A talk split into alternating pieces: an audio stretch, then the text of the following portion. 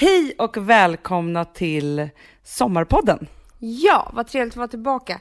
Innan vi liksom sätter igång ska vi börja prata om, för vi får ganska mycket kommentarer om att, att vi bara pratar eh, ur ett heterogent eh, utgångsläge.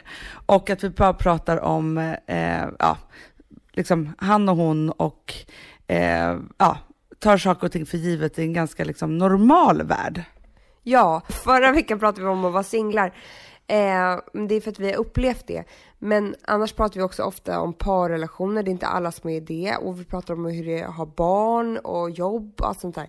Men jag, vi, vi har ju alltid varit så att vi gräver där vi står. Och jag tycker att det är faktiskt ganska trevligt. För att det värsta jag vet är när folk ska tycka saker om saker de inte eh, har med att göra eller upplever eller förstår du Ja. vad jag menar? Ja, men för, för det som är viktigt att säga här och som vi kanske inte har pratat om så mycket, det är så här att vi är ju inga experter, vi är inga terapeuter, vi kan ingenting som inte handlar om vårt egna liv. Vi kan ju bara eh, gojsa runt i våra egna erfarenheter och berätta om det vi har varit med om och det som har gjort oss att må bättre. Och då är det så att vi vet ju att det finns massor med människor som är eh, allt från liksom, eh, homosexuella till supersinglar till eh, som inte lever i parrelationer som absolut aldrig någonsin i hela sitt liv vill gifta sig eller vad det nu är.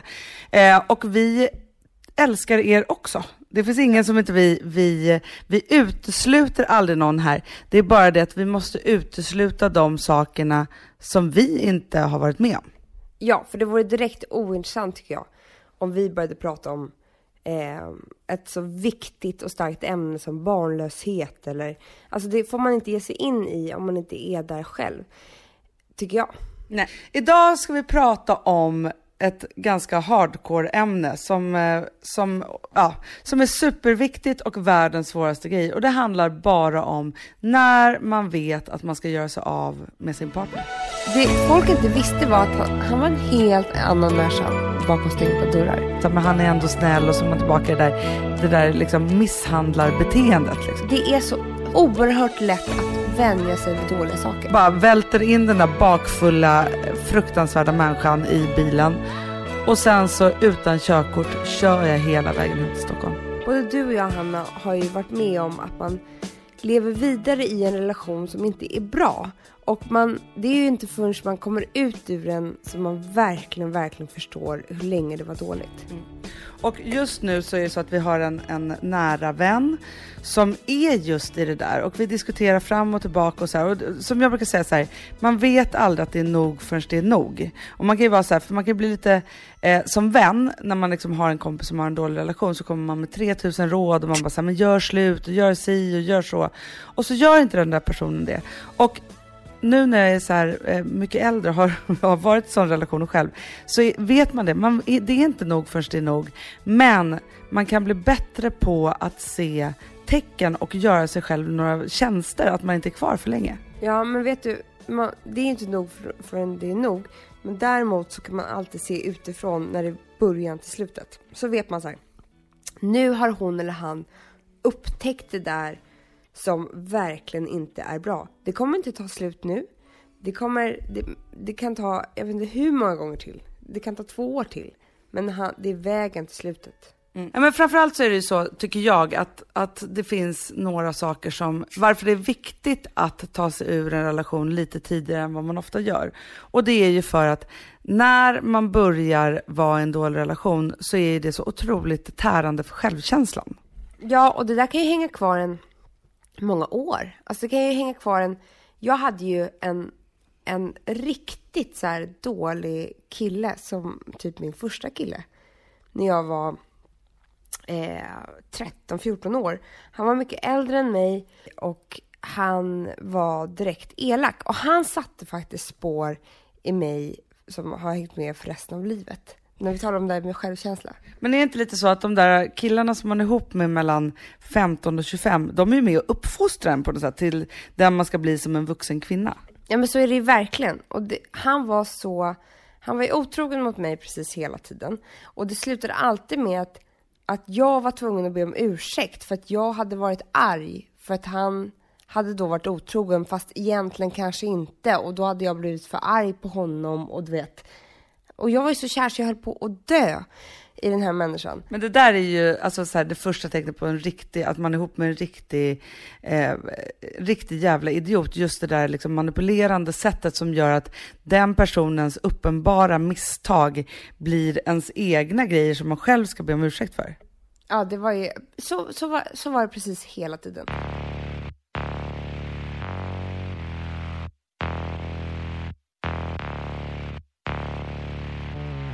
Jag har en favorit, favoritfilm eh, som sä ni säkert har sett som heter Sliding Doors. Har du sett den Amanda? Den är fantastisk. Ja. Som just är det där så här, vad händer om man kommer fem minuter för sent? Eh, liksom tar livet en annan vändning då och hur är det där? Och sen så eh, avslutas ju den med Ska jag berätta slutet på den? Den är så gammal så det får ja. jag göra. Ah. Jo, men Sliding Doors, är, alltså så här, den, den jobbar ju med tanken att så här, vad händer, tar livet en annan vändning om jag kommer fem minuter för sent, om jag missar tåget. Men sen så slutar ju det med att även om man tog det där liksom varvet runt i det där och in, det där jobbiga varvet, eh, när man inte kom fem minuter för sent eller missade tåget, så blir ändå livet som det skulle till slut ändå. Det tar bara lite längre tid. Det är det som den jobbar med. Jag får nästan rysningar när jag tänker på det där, för det är ju faktiskt så. Man måste göra sina vändor och jag, ingenting, alltså allt det som händer en hela livet uppfostrar en till att bli den man är. Tyvärr så kommer det hända massa tråkiga saker på vägen. Ja. Men det var ju det som var så här, här, nu blickar vi tillbaka här, året är 2004. Jag har en tre månaders bebis. Eh, och jag har precis upptäckt att den mannen som jag har liksom så här, gift mig med och gjort allting med, så här, han har varit, levt med en annan kvinna under ett halvår. Eh, så. Och där var jag, och jag bodde i en, en jättefin trea. Eh, och som var helt nyrenoverad och jag var djupt olycklig och liksom så. Om jag hade, för då var det så att jag gjorde verkligen slut med då eh, eh, min förra man. Eh, och sen så var det massa omständigheter och massa påtryckningar från andra människor som gjorde att jag sen valde att vara kvar i den här relationen. Men hade jag gjort slut där och då, Alltså jag går ofta tillbaka till den punkten. Då hade det inte, för sen var det så att valet att jag stannade tillbaka gjorde att allt accelererade och blev 300 gånger värre. Men som du sa innan, tror du att du hade träffat en ny skidstövel då? Du var inte färdig med ditt skidstövel? Alltså du hade letat efter någon likadan? Men jag är helt säker på det. Jag, jag, tror att jag hade bara, för jag var fortfarande, jag var 28 år. Eh, jag, jag hade liksom eh, så bara eh, tummat på det där liksom, dåligheten. För jag, alltså så här, det, det konstiga med mig var att jag har ju gått jättemycket terapi och så, men jag gjorde ju precis som din terapeut brukar säga, att man går dit kartan leder en. Eller man går dit efter den kartan man kan. Så jag gjorde en karbonkopiering på mina föräldrars relationer. Ja. Eh, alltså så på ett helt sjukt sätt. Och jag trodde att jag var så medveten om att jag ville liksom förändra saker och ting och göra på mitt egna sätt. Och så helt plötsligt så var jag där precis som mina föräldrar hade haft det vid, alltså så här, när jag var liten. Det, är det eh, som är så fantastiskt med att gå i terapi, det är att man tror att man har sån superkoll på vem man är och vad man har gjort och varför och hur man tänker. Och sen så bara vänds allt det där upp och ner och man får se sig själv från en annan vinkel. Det är ju helt otroligt och väldigt viktigt. Ja, och jag tror inte att jag hade kunnat rita om kartan om det inte var så att jag gick fullständigt vilse i den kartan jag kunde. För det var verkligen så att, alltså så här, eh, förmodligen hade jag ju bara så här, gått ur den relationen, eh, tuffat på, träffat något annat svin eh, och gjort samma sak igen. Istället så, så här, kramade jag ur, gick vilse och var tvungen liksom att riva den där kartan för all framtid. Eh, och först nu har jag faktiskt, ja det kostade skjortan, byxan och halva benet. Mm. Men först nu så har jag ritat om kartan. Så det är klart att det är så här, alltså så här, allting, alltså för jag tror ju någonstans också att allting är, är meningen. Men tillbaka till, alltså så här, nu, nu pratar jag bara här. Ja, men, ja, men eh, tillbaka till också så här, när man kan känna så här, eh, att man är helt jävla dum i huvudet för att man inte ser när det är nog. Och nu skrattar jag för att det är så här, men jag ska berätta en fruktansvärd historia från mitt liv som, som är nästan som en fars, men som är helt på riktigt. Men precis då i den här härvan då, när jag hade den här tre månaders bebisen, så var det så att jag, vi, vi hade bokat då en, att vi skulle åka på fjällsemester tillsammans med tre andra familjer. Och bara där, Hanna, tycker jag att det låter som en mardröm. Det kan bara gå fel egentligen om inte de här familjerna är helt fantastiska och relationerna i alla de här familjerna är på toppen. Ja, men du ska få höra, alltså det kommer bli bara hemskare och hemskare, hemskare. Varför skulle jag åka på en fjällsemester med en man som jag vet har varit otrogen mot mig, varit borta hela julaftonsnatten och betett sig som ett jävla svin. Nej, jag borde sagt så här, nej vi åker inte på någon fjällsemester. Såklart. Ja. Nej, nej, istället då så packade jag tappert ihop alla våra saker eh, och vi hade liksom hyrt en bil som var så här superlyxig för han skulle alltid ha det lyxigaste. Och så skulle vi då... Som du betalade. Ja, eh, och nu kommer jag ha en bitter ton under hela den här historien. Jag också. I vilket fall som helst, och nu kommer det smaskigaste. Nu ger jag er hela sanningen. De andra familjerna som jag inte alls kände speciellt väl var familjen Hag, alltså Martina och Erik Hag med barn. Eh, och det var då familjen Schyffert, alltså Bea och Henrik Schyffert med barn. Och sen så var det då, de som förenade oss då var min kompis Jonna och hennes dåvarande man som heter Kalle, som är då Erik Hags lillebrorsa. Och vi skulle då bo i Lindvallen i en stuga som var 100 kvadratmeter. ja, vi åker då upp till eh, då och eh, min förra man då, han, han, är bara så trött och ska bara sova hela tiden, för han har ju fästat järnet med sin, sin eh, eh flamma som han är otrogen med. Och jag har med, eh, minibebis med mig och också då mitt bonusbarn. Eh, vi kommer upp där och alla checkar in i varsitt litet rum. Vi känner inte de här människorna. Det blir nyårsafton, dag två. -huh. Ja. Och då sitter vi då runt det här bordet, vi har lagat mat och liksom så här, jag håller Namin uppe och jag har väl liksom halvt förträngt vilket jävla svin han är för att jag tänker att nej men det, allt kommer bli bättre, så illa är det liksom inte. Man, man, hoppet är ju det sista som lämnar Ja, och så ska vi leka då den här, eller le, den här nyårsleken, men den så här som man kan göra, vilket var som varit bäst, det bästa och värsta i år. Jaha. Ja, men det, ja, det har jag. Ja, ja. ja eh, en fantastisk middagslek, det kanske vi ska göra no någon gång i, I vårt program. men då sitter vi då med alla de här människorna. Till saken hör att det här året, alltså det är en buffé av braigheter. Det är, vi är alltså eh, köpt den här bostadsrätten, vi har gift oss, vi har skaffat barn, eh, vi har liksom... Alltså, Året och allting hände, livet bara blommar. Egentligen. Ja, egentligen. Ja, så då så säger jag då så här, ja, nej men det bästa är ju såklart att jag har fått barn och, men och det är så mycket saker och ja, och det värsta, jag vet inte riktigt vad det kan vara, alltså typ så. Ja, så kommer turen till min förra man som säger så här, han bara, ja, jo men det bästa är väl samma sak att vi har fått barn och det värsta är väl att, ja, att jag är så rastlös och han har, alltså vad som än händer från och med nu så, så hoppas jag att du kan förlåta mig. Inför alla dessa människor. Men vad menade han? Ja, vad menade han, Amanda?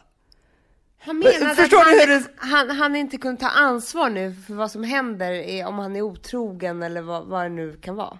Ja, eller jag vet inte. Och grejen var så här att den här otroheten var då inte liksom, alltså så här, jag misstänkte väl det, men jag visste inte då.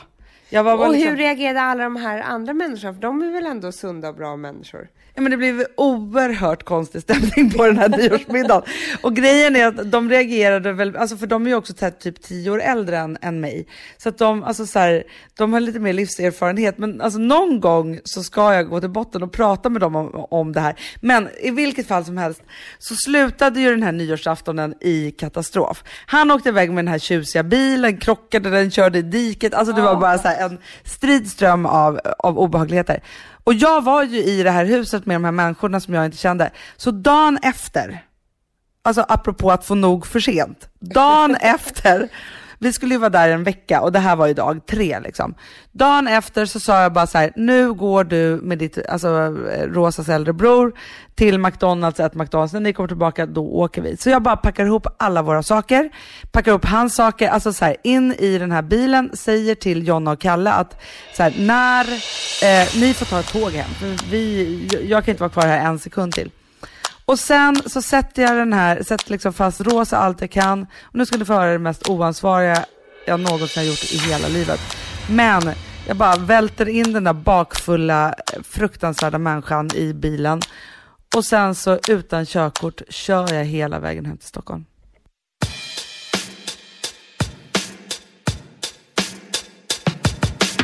Amanda, vi är sponsrade av Sambla. Ja, och det tycker jag är så bra.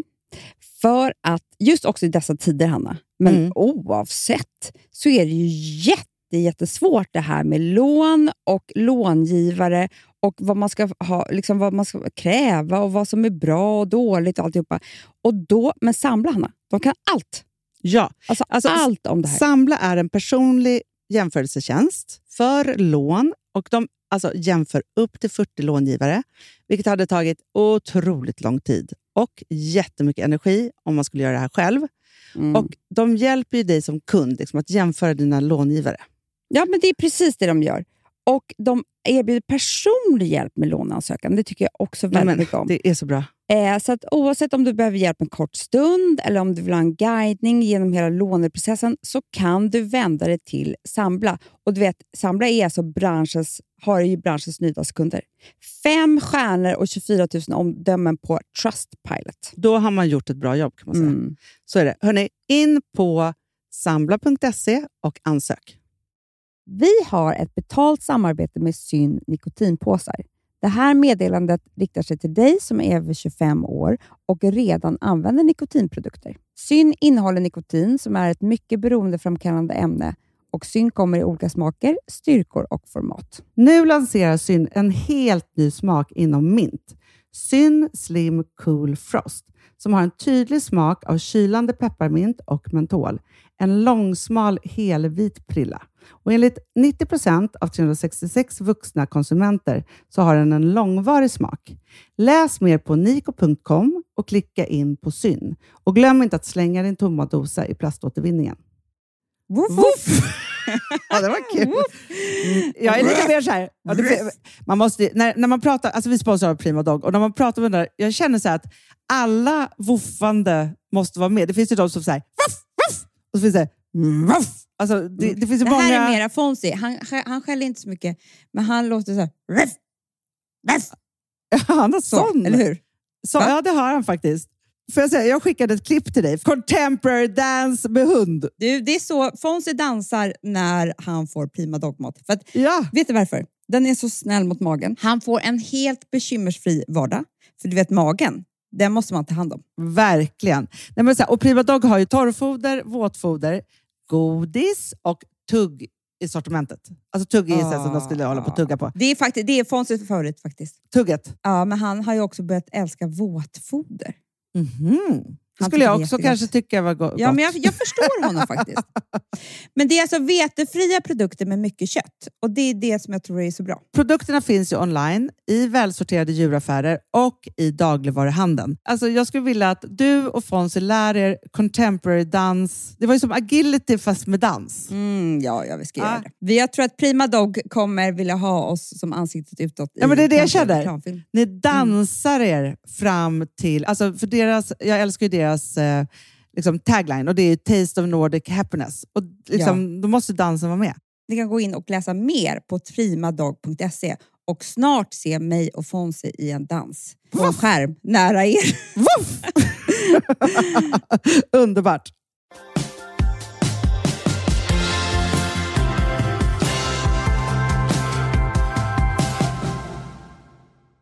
Men då Amanda, varför sa jag inte bara så här, det blir ingen fjällsemester?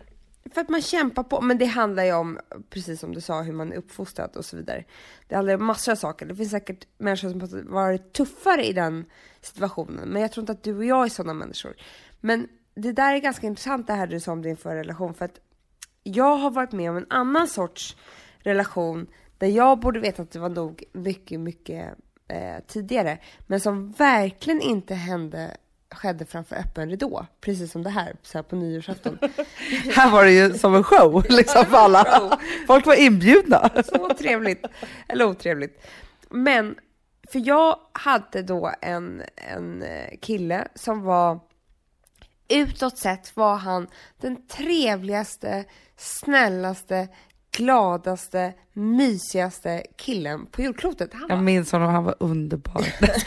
nej, men han var allas bästa vän, han var liksom så social och bara eh, så jäkla kul och mycket energi och allt var tippetoppen.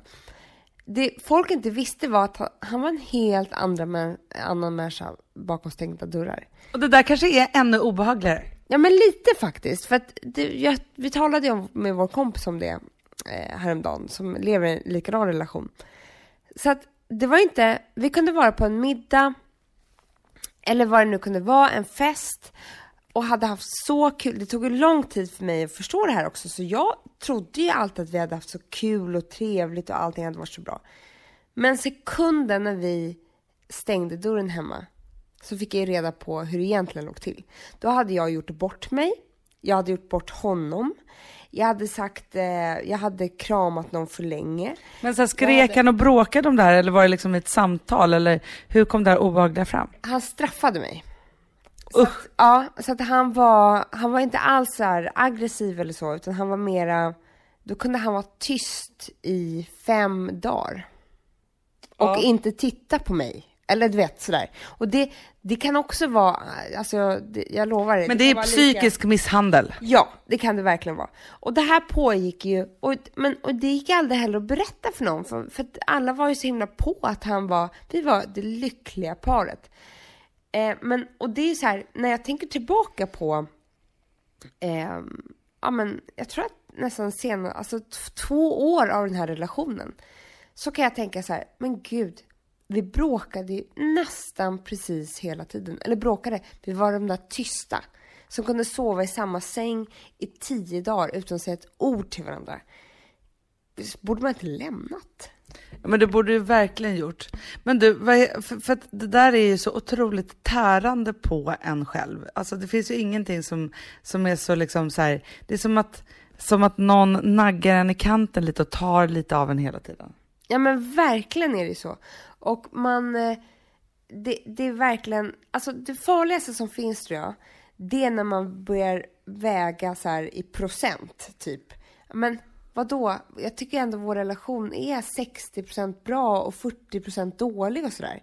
Det är ändå är mera det. bra än dåligt. För så, har du varit med om att tänka så någon gång? Abs- Ja, men jättemycket. Jag vet att det här är oerhört provocerande för många människor. Speciellt ni som lever i en dålig relation. Ni kommer vara så här, gud hon är helt dum i huvudet och så naiv. Eh, men jag, en relation ska vara 100% bra. Ja. Och det ska vara, allt annat kan vara svårt. Jobb, vänner eller vad det nu kan vara. Men hemma, ert hem bakom stängda dörrar, så ska det vara den tryggaste, mysigaste, roligaste, mest intressanta platsen. För att annars är det inte värt det.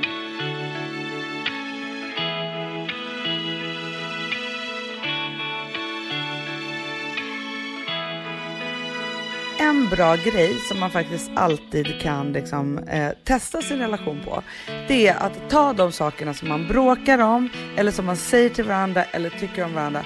Och så tänker man så här, skulle jag göra så mot min bästa vän, eller om min bästa vän skulle göra så mot mig, skulle vi vara vänner då? Ja, för att man, det är så, så oerhört lätt att vänja sig vid dåliga saker. Alltså den här stegen som man klättrar upp för när man först är ganska artiga när man bråkar och sen så är liksom på slutet av den här stegen så ber man varandra ta, liksom dö.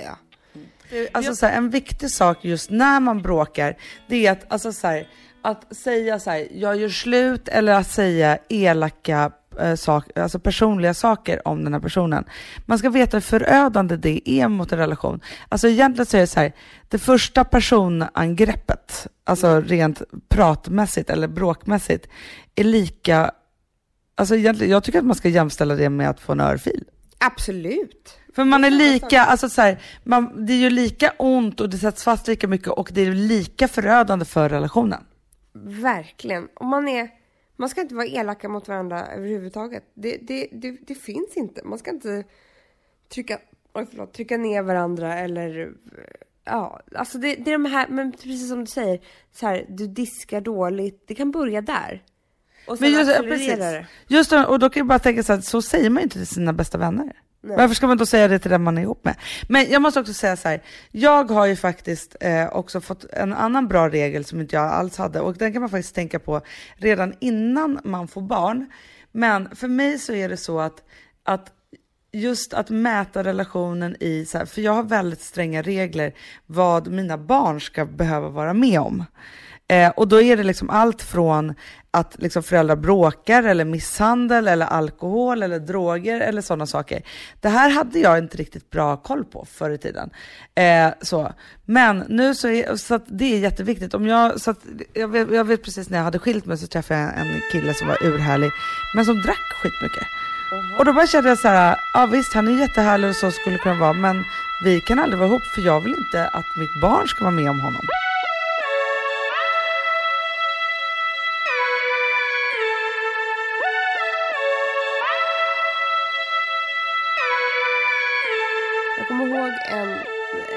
Samma den här killen som jag hade, när vi var på en fest och sen så var det eh, en, två tjejer som var jätte, jättegulliga mot mig som jag knappt kände som sa så här, gud vad du är fin i din klänning, med örhängena, du är så himla fin ikväll. Jag blev väldigt glad för det för att han hade aldrig sagt sådana saker. Och han stod bredvid så jag sa så här, åh gud hörde du vad, vad liksom, jag vet inte, någonting sa jag. Och han tittade på mig och sa så här, men ursäkta mig. Alltså det där sa de ju bara för att, du vet. Gud vad Och den där elakt! känslan hade jag med mig hela kvällen på, såklart på den här festen. Att han tyckte ju inte att jag var fin eller vad det nu var. Och där kan man ju bara tänka, det här är ju så här små, små, små saker som man då i stunden tänker, jag kan inte göra slut på en bra relation. För det där han sa. Men du förstår vad jag menar? Ja, men jag Det förstår vad du menar. Men är det inte så att man, alltså så här, om, om, man, här, om man ska prata om lite positiva saker så, så är det så att den som man är ihop med, den ska ju tycka att man är den snyggaste och sexigaste människan på jordklotet. Ja. Den ska ju vara den som säger de fina sakerna till en. Ja men den ska ju vara en sån person som i ens värsta dag, som idag när jag är sjuk och det, alltså det bara rinner snor och eh, jag har inte duschat på två dagar och alltså du vet, man, jag är ingen pingla nu Hanna, du ser ju det. Jag ser det. Ja, i pyjamasbyxor. Ska tycka att man är den finaste, finaste människan och gärna säga det också. För det, vad ska man annars vara tillsammans varje dag för om man inte ska boosta varandra och eh, bygga varandra? Ja, och sen har jag en annan, alltså du har helt rätt. Jag har en annan sak också som jag tycker är viktig. Det är den här äh, som jag faktiskt inte hade i min, i min förra relation, men som jag har nu. När det händer mig någonting superkul och bra, eh, eller händer mig någonting jättedåligt. Den första jag vill ringa då ska vara min kille. Verkligen. Så ska kunna glädjas och gråta med en. För att i min förra relation, då ville jag ringa mamma och berätta det roligaste och det tråkigaste. Men jag tänker också så här att det är viktigt att skilja på, så här, ja men vi bråkade lite och det var sti och så, så här, det gör man i en relation. Man kan vara superosams och man kan, liksom så här, man håller ju på liksom att uppfostra varandra lite liksom under hela tiden. Och det är klart att man måste liksom hitta till varandra och liksom göra alla de här sakerna. Men det jag vill säga och höja ett varningens finger för, det är när det är ex- så här, när det är personangrepp, när det är elakt, när du märker att din partner, eh, allting som man älskade från början börjar hata. Man känner att det finns liksom så här, att, att den personen liksom så här ser på en eller blir så här arg. Så man är så här, om du älskade mig skulle inte du bli på det här sättet? Då känner jag så här, nej men då är det dags att gå.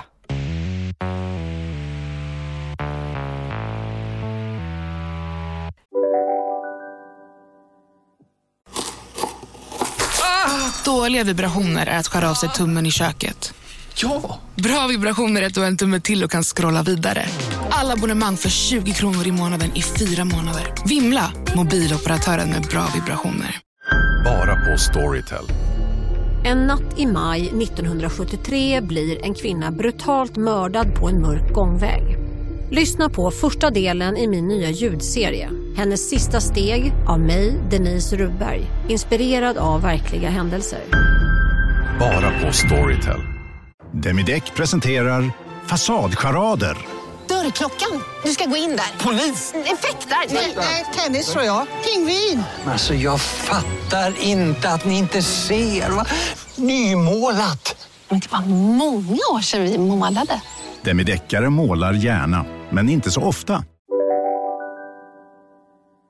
Det här är superviktigt. Det här är en varningsklocka. Och sen så kommer ett råd efter det. Wow! jo, det är att när man börjar med att inte berätta för vänner om bråken och vad som händer. Ja, men det Bra Amanda. Ja men ah, jag kan ju komma till dig Hanna och säga så här, ja men herregud, Alex är helt dum i huvudet för att han eh, vägrar tvätta. Men du vet alltså sådana här banala saker som man kan hata sig Det har jag ju hört är din grej hemma. Alltså, vad konstigt att han vägrade just att tvätta. Ja, ja, ja, men du förstår vad jag menar. fattar vad du menar. Nej, men man kan, precis som du säger. Ja men när jag säger så här, ja, jag kommer till dig och så jag bara, nej men nu är jag så trött på Gustav för att han kan inte se att hans jobb är så här och så här. Ja men du vet, man, man bråkar och man berättar och man hatar tillsammans i en kvart och sen så är det över och sådär. Men när man inte börjar berätta för vännerna, då är det ju något knas. Och det som man måste göra då som är det svåraste, det är att börja berätta. För att det är inte förrän, så länge allting händer i relationen och bara för en själv, så har man ingen måttstock. Så att om man, sen när jag kommer till dig Hanna och säger så här, men han sa att ehm, han inte kan titta på mig för att jag är så ful. Det är inte först då du skulle reagera, alltså skulle få mig att förstå hur hemskt det är. För man kan lätt vänja sig vid dåliga saker. Ja, och jag gjorde ju precis så i mitt förra äktenskap. Jag slutade, för jag, det blev så skamligt och eh, hemskt och det var sånt jäkla misslyckande. Så jag slutade berätta någonting överhuvudtaget. Men det som jag faktiskt gjorde som räddade mig jättemycket, det var att när det var slut, då bestämde jag mig för att jag aldrig mer skulle ljuga. Och det tror jag har hjälpt mig så mycket och också hjälpte mig att inte Alltså så här för att eh, eh, när skilsmässan hade kunnat bli hur jävla skitig som helst. Men det gjorde att jag ändå liksom gick rakryggad i det där för att jag berättade sanningen hela tiden. Och det var det som gjorde också att jag kunde ta mig ur den. För att om man håller sig till sanningen och man ältar den och man liksom, eh, så tar den fr- en framåt ur relationen. För att annars så är det så lätt att bara säga nej fast och så gör man om det sitt eget huvud och så var det så här, men han är ändå snäll och så är man tillbaka i det där, det där liksom misshandlarbeteendet liksom. Eller misshandlad Och det sa hustrubeteendet. vi ju innan att det behöver inte vara örfilar eller eh, alltså det behöver inte vara fysiskt överhuvudtaget. Psykisk misshandel är lika hemskt, kan vara i alla fall. Och den är, alltså, den är ju så fruktansvärd. Alltså, jag vet en person som var gift med en man i en herrans herrans massa år och det rådde liksom extrem psykisk misshandel. Det tog henne tio år att bli sig själv igen. Ja, för det är inga blåmärken som syns heller. Så det är så svårt att upptäcka. Så därför måste man våga berätta för vänner. Och är ni vän till någon som eh, vågar berätta så måste ni också våga vara måttstocken. Och Ja. Det är svårt också. Och sen så är det så här, som vän måste man ju faktiskt bestämma sig för att om man har en vän som berättar sådana svåra saker, så säger man så här, ja ah, men vet du sak, jag tycker att du ska lämna den här personen. Och så gör inte den det, då får man inte bli arg, för då kommer den här personen aldrig våga berätta nästa gång. Nej, och det där kommer ju... Det är inte nog förrän det är nog. Så att när bägaren väl har runt över så kommer ni prata om det där och då kommer den tacka dig ändå. För du kanske satte liksom en litet frö som växte där i, i, i det där samtalet eller vad det nu kan vara. Men du, apropå att veta när det är nog då. Med den här dumma killen du hade som bråkade inför stängda dörrar. När visste du så här, nu är det slut? Eh, nej men jag tror att det var en massa andra saker som fick mig att få bättre självförtroende. Som jobb och jag kommer inte riktigt ihåg vad det var men när en massa andra saker faller på plats som gör att jag vågade tro på mig själv och fick också en lite så här måttstock över hur det kan vara och så vidare. Då tror jag att jag fick kraften att lämna. Jag tror att om man vet att man är i en dålig relation, men man har inte kraften, man tänker så här, när är det nog? Kommer jag någonsin att veta det? Det här är inte bra. Alltså så här, jag var ju liksom i en, eh, under en lång period att jag varje måndag planerade min, min skilsmässa och min liksom flykt ur det här. Och sen så på onsdagen, ja men då hade jag repat mig lite och så gick jag in i det där dåliga igen och så tog det en vecka till och vecka till och så blir de där veckorna, månader och år och så här. Men det var ju också först när jag bestämde mig för att, att så här, ändra om saker och ting i mitt liv. För det är också det att en relation måste tåla förändringar. Och har man en bra relation så är det så att när någon växer eller går åt ett annat håll eller byter jobb eller blir bra på någonting, då följer den personen med och uppskattar det. Nej men så är ja, det ofta. Det är väldigt sant. Ja.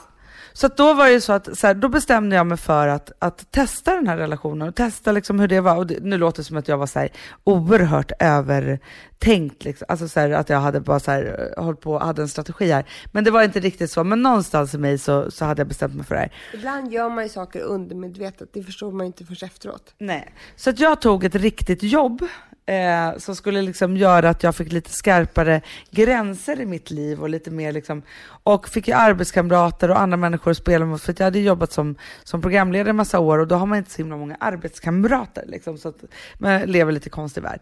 Eh, men helt plötsligt så blev ju de sakerna som jag trodde var normala i vår relation väldigt onormala.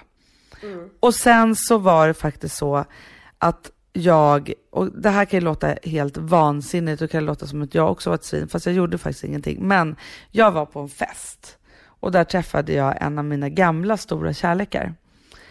Och han var så här, vi hade inte träffats på flera år och han var så här, åh Hanna du är så fantastisk och tänk vad kära vi var och jag kommer alltid tycka att du är det mest härliga på jordklotet. Och då var det så här, det finns andra som tycker om mig. Ja. Det kommer Alltså jag fick någonstans så här... De där nedtryckarna, ja. de kan ju oftast få en att tro att det inte är så. Ja, och, då, och helt plötsligt, för någonstans så här, varför lämnar man inte en relation? Jo, för att man är rädd för att man aldrig ska få någon ny. Alltså det är ofta det, att, att, att det aldrig ska komma någon ny kärlek. Och därför så var det där och då så himla, himla eh, balsamerande för mig och, och faktiskt kraftgivande att jag faktiskt förstod att det finns ju faktiskt andra som tycker att jag är en toppentjej. Jag har alltid haft en extrem tro på kärleken och att alla människor är värda kärlek, kommer få kärlek, bara man öppnar upp för det. Men om man har bara dålig kärlek i sitt liv och dåliga relationer, då måste man faktiskt stänga den dörren så att det kan komma ny fin kärlek där. Och jag tycker att jag är det ultimata beviset för att det är värt att bryta upp, lämna en dålig relation, för då kan det komma massor med ljuvliga saker. Verkligen. Nästa vecka tycker jag vi ska prata om något riktigt härligt, Hanna. det blir alltid lite så när vi har gått ner i, i, i djupet här. Men ska vi bara avsluta och säga så här, om du kände igen dig på, i liksom hela det här snacket, då tycker vi att du ska lämna den personen och gå vidare. Däremot, om du inte tyckte det alls utan bara hade en, en trevlig och, och intressant stund, ja, då kan du ha med den här för grattis. framtiden. Glad sommarvecka.